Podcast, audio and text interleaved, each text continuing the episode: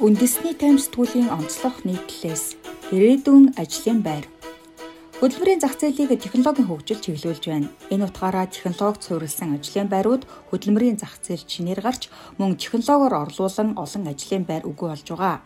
Цар тахал энэ үйл явдлыг буюу технологид суурилсан ирээдүйн ажлын байрны эрэлтийг улам хурдсгаж байгааг өнгөрсөн амар болсон эдийн засгийн форумын үеэр салбарын шинжээчид хүндсэн.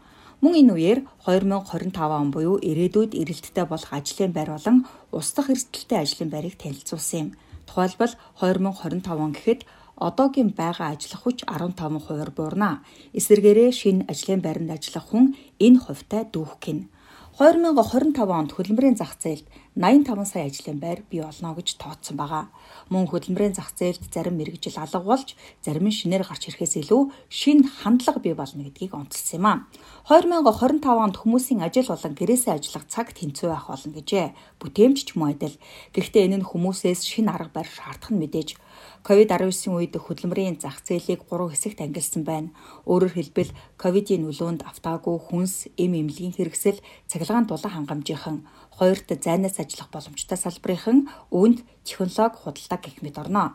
Асаас ажиллах боломжтой ажлын байр өндөр хөгжилтэй оронд хөдөлмөрийн зах зээлийн 38, дундаас дээш орлоготой улсад 25, дундаас доош орлоготой улсад 17, буурын оронд 13% гэсэн судалгаа гаргажээ. Үүнийг интернетийн хүртээмж чадамжид тулгуурлан тооцжээ.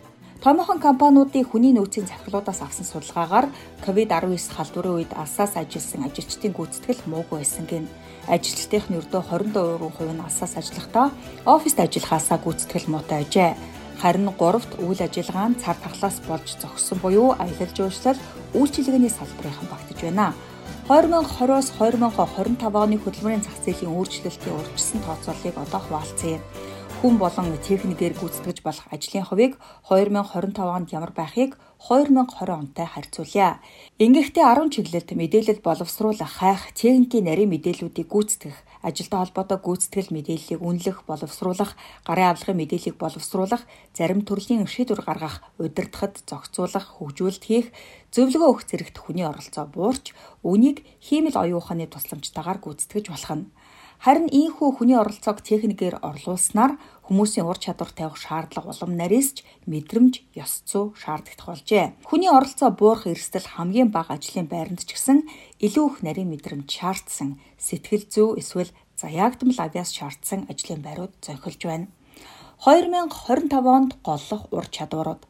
Үүнд аналитик сэтгэлгээ ба инновац, идэвхтэй суралцах хийгээд сурах стратеги, асуудлыг цогцоор шийдвэрлэх шүүмжлэлт сэтгэлгээ, дүн шинжилгээ хийх, бүтээлч байдал, шинийг санаачлагч, манлайлал, нийгмийн нөлөөлөл, технологийн ашиглалт, хяналт, шүүмжлэлт сэтгэлгээ ба дүн шинжилгээ, уян хатан байдал, стрессийг төсвөрлөх чадвар, асуудлыг шийдвэрлэх чадвар, санаачлага, сэтгэл хөдлөл, алдааг олж харах туршлага, практик туршлага, ятгахж тохиролцох чадвар зэрэг багтаж байна.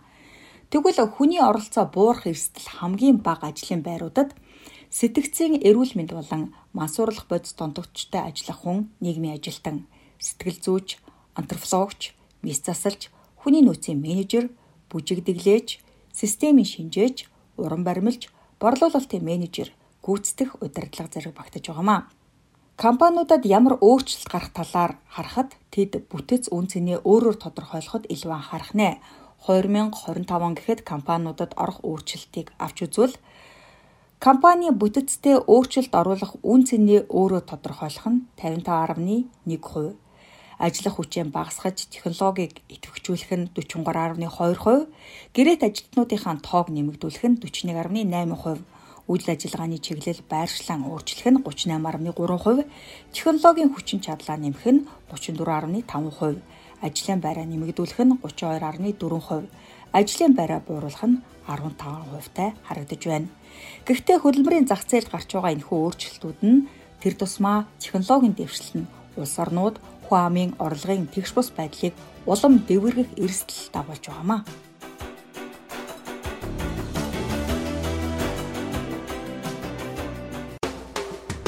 итгэж болох экссурулж.